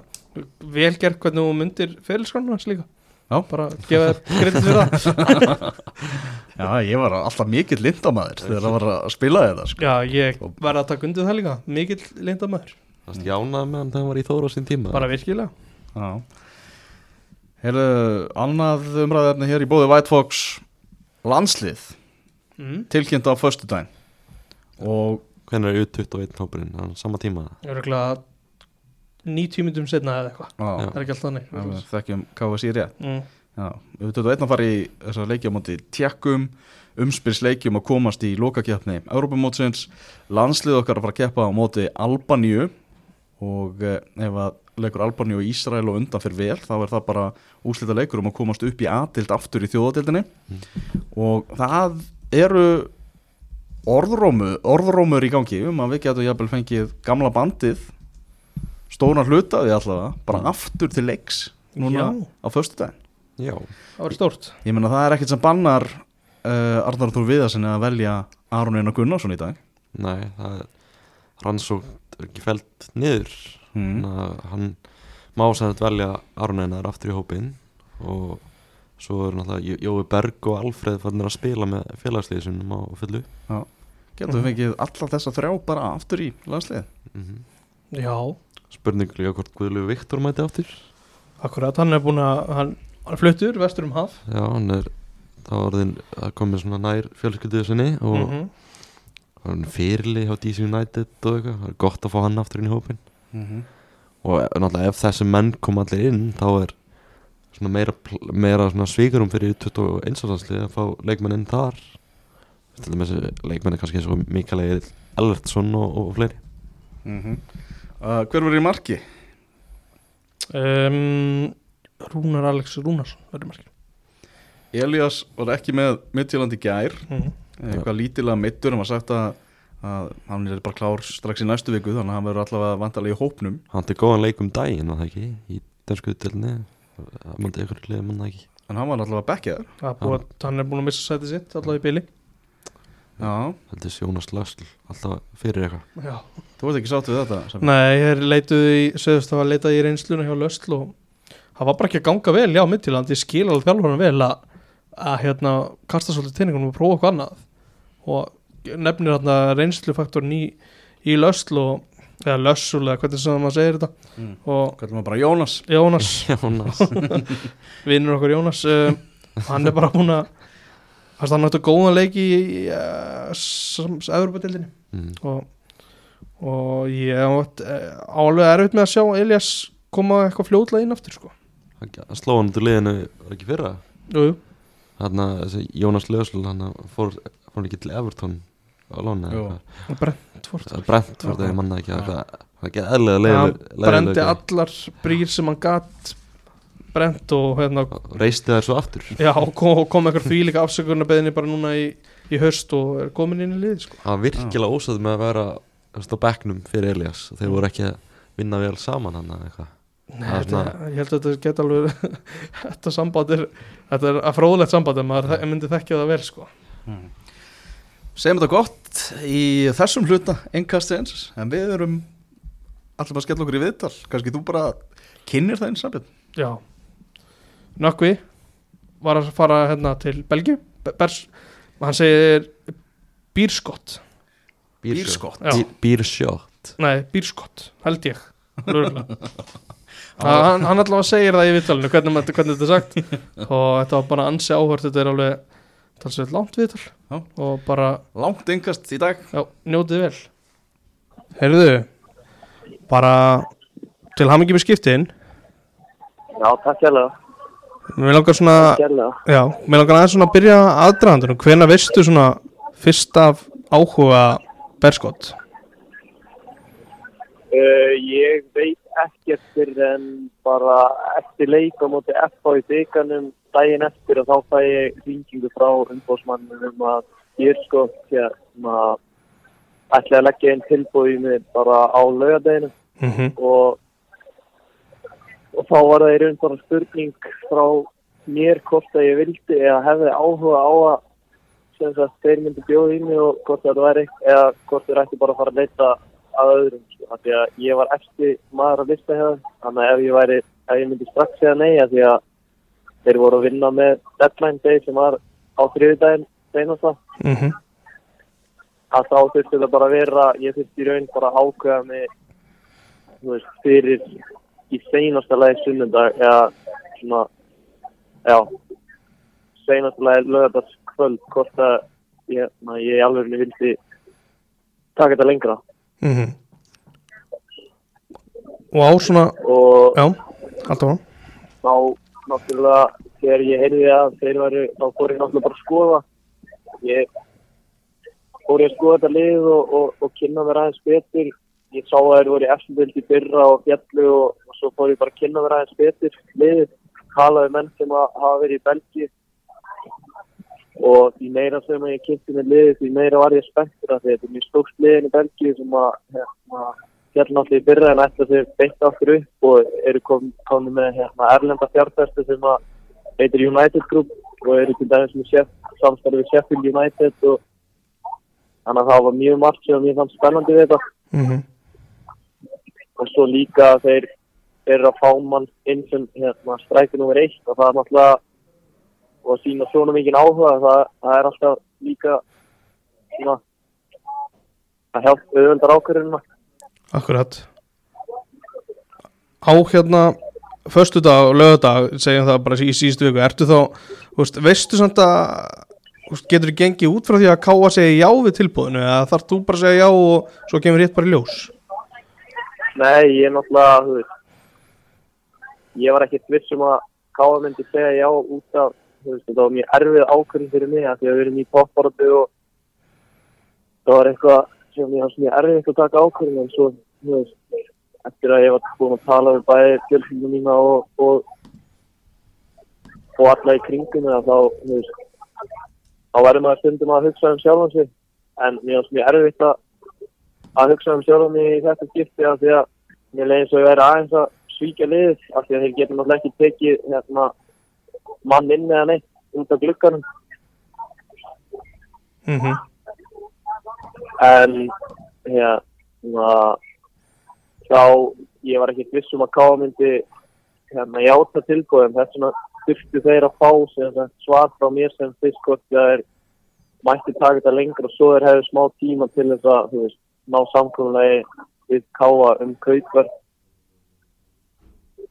og svo veit ég í raun ekkert fyrir en bara eftir leik á sunnundaginn um að Káa sér búið að samþykja kaupverð og ég er að fara í læknistofun bara fyrramálið. Ég veit að það voru mikið hérna, mikið í gangi fyrir leikinu mótið fram að þá voru verið að reyna ná samkvæmulega en, en ég náttúrulega bara var einbjörðu meira leiknum og sagði við Bjarka umbásmannum minna og hann var mjög góður með það að ég, ég raun að láta mig ekki vita af neinu fyrir bara eftir leik.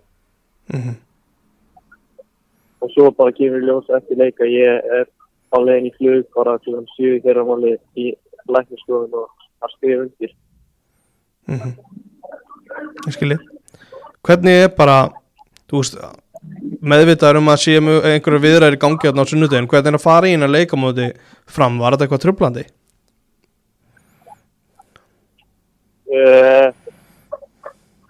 Þetta var eitthvað sem að hlutlandi, ég var náttúrulega maður að ég vildi skila að ég var ekki viss sko þetta væri senast leikur eftir þannig ég, ég raun reyndi að hugsa sem minnst um þetta en þetta hafði þetta einhver áhrif á hausnum en þetta var hérna já, ég fannst þetta ekki hafa eitthvað sérstök áhrif þannig en kann vissulega vissulega einhver kannski Akkurat um, Ég talaði eins og Sævar bara á mánudaginu síðasta og hann talaði um að, að svona haugurinn hefði hjá þér leitað í, í Holland og Belgíu Hvers vegna er það? Já. Hreinlega því að ég er mjög skotin í fókbaltan sem er hérna, bæði hollandska úrstildabóttan og, og belgíska sko. Ég held að hann hætti mér mjög, mjög vel bæði hollandski og belgíski fókbaltin hvað var það að því að þetta hraðanum og, og öllu því og mér finnst þetta svona já, mjög hillandi hillandi fólki sem er spilaðurinn og, og fókbalta menningin í báðum löndum er eitthvað sem að mér finnst já, mjög hillandi Mm Svo, var, svo talaði hann líka um að hefðu verið viðræður fyrir í, fyrir í sumar eða fyrir í haust um annað félag. Var það eitthvað sem að þú varst mjög meðvitaður um að væri gangi líka? Uh, ég veit það voru náttúrulega búin að koma áhugð frá alveg þónaflum liðum en, en flest voru búin að tala um það í janúar af því að, að það myndi koma í janúar af því að Káa var bara búin að gefa það út. Og, og það var eitthvað sem var mjög spennandi líka. Og ég var alveg en það var ekki komið neitt svona konkrét tilbúð frá þeim en þau hefðu þá komið í janúar þá hefur bara verið að byrja aftur í janúar hjá þessum liðum. En ég vissi af áhuga frá já, nokkrum liðum í ágúst en það var bara það í raun ekkert konkrít þannig sér nema þá í janúar. Mm og vissulega já Viking Stavanger sem var kom í, í, í fjölmjöla sem, sem ég vissi af. Ég, ég skilji Þú segir að þú hafir hérna í viðtali við heima, sem að byrtast á heimasíðu félagsins að þú hefur rætt við leikmenn sem hafa spilað í, í Belgíu Getur þú sagt mér, þú veist, hvaða leikmenn þú ert búin að tala við áður og tekur þessu ákvörðin hvað segir þið? Hvað, þú veist, hvaða, hverja, hvaða aðila talar við áður en þú tekur ákvörðin að að fara til Belgíu Hvaða aðila? Já. Ég tala við menn sem hafa spilað í Belgíu og, og til dæmis tala ég við Sebastian Bredfelds sem að hérna, þekkir mjög mikið til enn í Belgíu og, og, og boltarinn og þegar ég og ég talaði við þú veist íslenska leikmenn sem að hafa spilað í Belgíu og, og, og bara líka umbóðsmanni minn af því að hann þekkir mjög til í Belgíu. Og þegar ég heyrði bara hvernig þeir fjölu um þennan klubb, þetta er klubbum með risastóru sögu og er risastóru félagin í Belgíu og lendi náttúrulega í, í því að vera gjaldfróta en er núna komið aftur á á rétta hérna með góða fjárfæsti og er, er að koma svo gott skrið og er með virkilega sterkt lið og hérna og því meira sem að ég bara, já kynnti mig lið betur og því meira áttaði mig á því hversu, hversu geggja tækifæri þetta, þetta getur orðið fyrir mig. Mm Þetta er alltaf leið sem að og bara, Já, já, og bara fyrstu dagur sem maður kemur út að það áttaði með þessi á stærðin á klubbi sem maður áttaði þessi kannski ekki alveg á. Af því að ég, ég hafi ekki heilt mikið um byrskott sko. Nei. Akkurat. En bara fyrstu dag sem maður kemur út og þá sé áttaði maður þessi strax á því. Þá segir maður bírskott. Byrskott Já, ok, ok. Þegar þú hérna kemur út einmitt bara eftir að hafa verið á káa hver er svona munurinn á bara umgerðinu bara það sem þú upplifið fyrstu dagana það er náttúrulega bara, þú veist, allt önnur umgjörð. Það eru fjóri sjúkurþjálfarar á hverri æfingu og einn læknir og einn physical coach á hverri æfingu og svo er aðstofþjálfari og svo er videoanalyst og svo er aðstofþjálfari og svo er aðþjálfari og, og þú veist, það er team manager á hverri einstu æfingu og svo er, svo er hérna tveir sem að sjá um flottin og allt það, þannig að þú veist, það er öll umgjörð og allt þetta bara miklu, miklu svona stærri og, og meiri. Og svo er náttúrulega peningurinn hérna og, og aðstæðan allt, allt önnur. mm Akkurat. Hversu hérna aðstæðaninu, það er, það er eitthvað sem að maður upplifir núna þegar þessi fyrstu dag, það var alveg, já, það var svolítið, svolítið öðruvísi. Einmitt bara einmitt upplifun bara að koma inn á í, sín fyrst, í þín fyrsta leik. Hvernig var þetta? Það var bara geggjart og, og hérna, náttúrulega skrítin leikur í lendur manni, manni færri hérna, eftir 20 mínútur og þá var þetta á breytisleikunum svolítið en, en, en það var bara geggja að, að fá fyrstu mínútunar og, og aðeins að, að því ég var bara búin að ná tveim hérna, æfingum þannig ég átti ekki sem til að vona að fá eitthvað einhverja marga mínútur en, en, en ég var ánægður að fá það strax. Mm Og móttökur stuðnismanna eins og þú segir maður sá svona vídeo að þau kom inn á Já. Það var, það eru svo rosalega, þetta er náttúrulega, þetta er 12 eða 15 árs manna leikvangur og, og, og þeir eru þekktir fyrirstofn aðdáðinu fyrir að vera svona top 3 stöðnismennina í Hollandi og maður upplýði það alveg um leið þegar maður kom, kom inn á öllum sko. Það heyrðir ekkert nema í þeim. Akkurat um, Tungumáli er, er þeir alveg, þú veist, þeir eru alveg góði með, með því talandi ennsku fyrstu dagan allavega?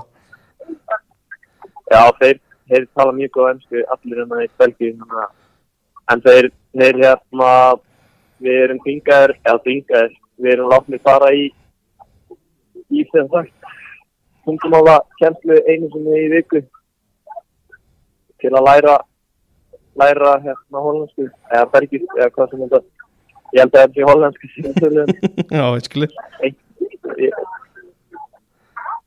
Já, Dutch já, hollenska, já. Um, bara því að þetta er náttúrulega lið sem að fellur og er að stefna aftur upp um, hvernig svona metur þú styrklingan á þessu? Er þetta finn, heldur, er, er þetta tal, talsveit starra heldur en að spila á Íslandi í efstild Þetta er, tempoð er herra og það eru fleiri góði leikmenn og það sem að eins og í þessu liða þá eru, þá náðu þeir að halda svona þó nokkrum úrvalstenda leikmennum sem að sem að mjög sterk sko og, og, og bara hérna en en levelið ég er náttúrulega bara nýbyrjar Mhm. að ég er bara búin að ná tveim æfingum á einum leik þannig að ég, það er svolítið erfitt að átta sig á mununum á á levelinu hér og, og heima en, en svona fyrstu kynni að það var þetta bara herra og fle- fleiri sem það herra tempo. Akkurat. Um, Bara leiðin upp, í, upp um deild er, var, svona, var, var talað um uh, við þig hvernig svona svona topparáttar myndi líti út í, í deildinni? Að er þetta mörglið sem er að berjast um að fara upp? Já, það eru þrýr þrýr svona helstu kandidar og, og Byrskot er allstaðar talin hérna einn af líklegustu að, að fara upp út af út af bæði hérna hvernig er fjárfæst í sumar.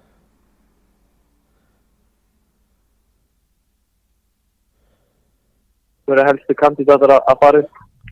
Já, þú dast aðeins út þarna. Hvað segir þið? Þú dast aðeins út, þú talar um að hérna, að þeir eru helstu kandidatnar e, e, einir af helstu kandidatunum og af, af hverju það? út af leikmannahóp Mm. hvernig hérna hvað styrkleikar í leikmennina sem að Björnstótt hefur og, og líka bara út frá spila þannig að er að spila mjög góðan bolta og, og það er svona aðal ástæðan okkur er mjög sterkir kandidatur í að fara upp Mm Akkurat um, Bara svona fyrir því, svona fyrst, fyrsta vikan hvar, hvar ertu, ertu komið með íbú strax eða býrðu á hóteli? Ég er núna á hóteli og við erum, ég er með kæristinn minn og við erum að fara að skoða íbúðum á ekkert og, og vonandi finnum við sem fyrst einhver íbúð sem að, sem að hittar okkur á, á, á flytjum við frá hótelinu.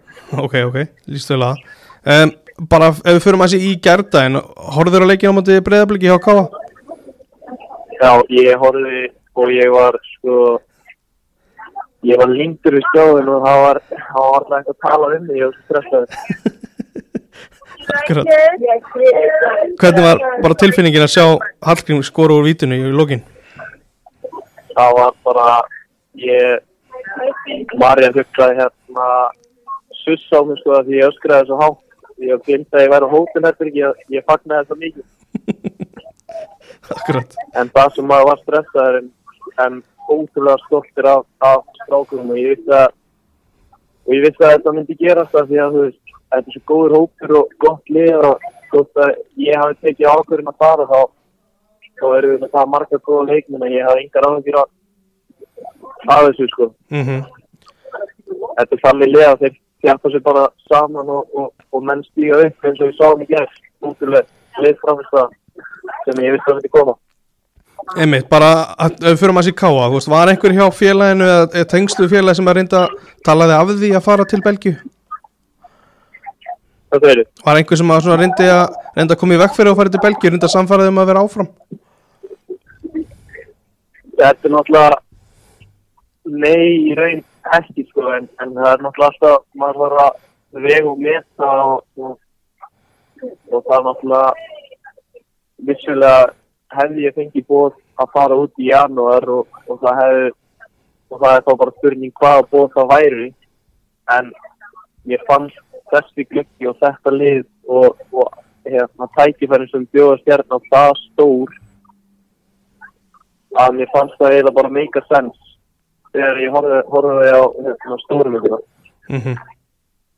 Þannig að þegar svona heilt yfir litið þá hérna, þarf maður að hlusta sjálfan sig og, og, og taka ákvörðin út frá því Mm -hmm. og ég, ég, hérna, ég er mjög ánægð með það ákvörðin sem ég tók af því að ég greiða spekti fyrir, fyrir, hérna, fyrir áframhaldinu og, og, og ætla bara halda áfram að leggja á mig og, og, og reyna með best að hjálpa liðinu að- fara upp sem ég er miklu trú á að við gerum. einmitt Ertu, ertu þakkláttur Káa fyrir að hafa sagt já við tilbúinu?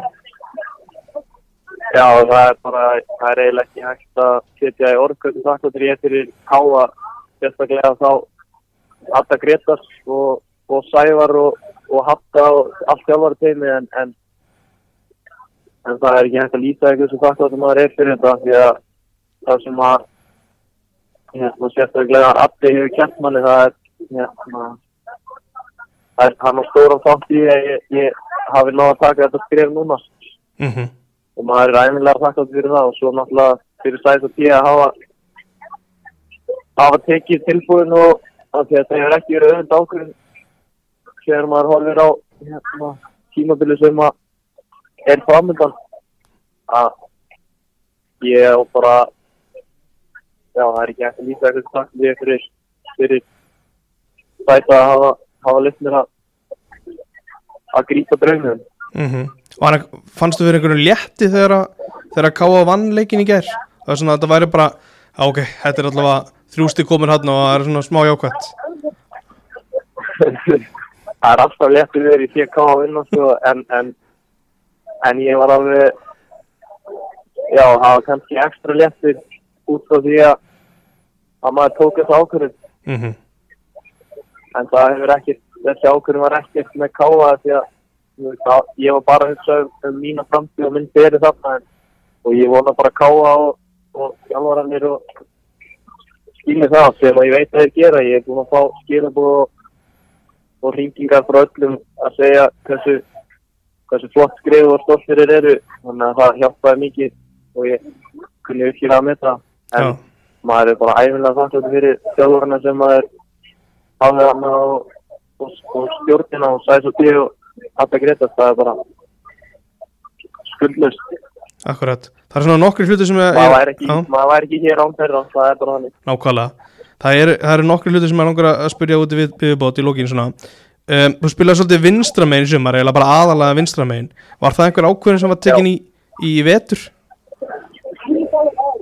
uh, við missum Grímsson alltaf í meðsli í vetur og þá hérna fyrir allir að nota mig meira vinstra megin og, og, og ég var vanur við að spila eða ég var mun vanar í að spila vinstra megin þegar ég var ringi sko. ég var ekki eftir styrkt að spila svona mikið hægra megin þegar ég var hjá Káa þannig að þetta var Mér finnst betra að geta eins og kannski fast í sumar að geta komið inn eða þetta á vinsturlöfsuna frá, frá vinstra megin.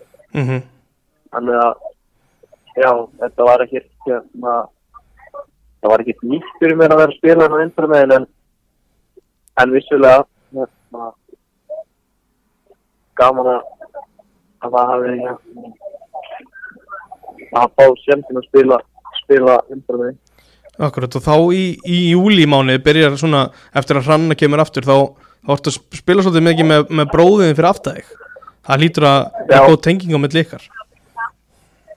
Það er bara besta tilfinning í heimi að spila með bróður sín og, og það er eitthvað sem maður er já, stoltastur af. Að, að vera að spila með bróður sínum í Essil með káa í, í toppáratu það er það er eitthvað sem að hérna, maður mun hérna, maður veit að mm -hmm. Akkurat. Uh, uh, Markakongstitillin, ertu að krossleggja fingur að menn ná ekki að jafna markafjöldum þinn? Nei, ég, ég held að ég hafa verið eini maðurinn í Íslandi sem var ekkert að spáða þessu markakóngstilli eða, eða marka hérna metinu af því að ég var bara að hugsa um næsta leik og reynir mér best svo að káa myndi vinna en, en það var alveg gaman að, að vera statt í öðru landi og vinna markakóngstilli en það gerist, það gerist það bara en, en fyrst og fremst þá ef að hérna ef að káa vinnur þá var ég, þá var ég sáttur.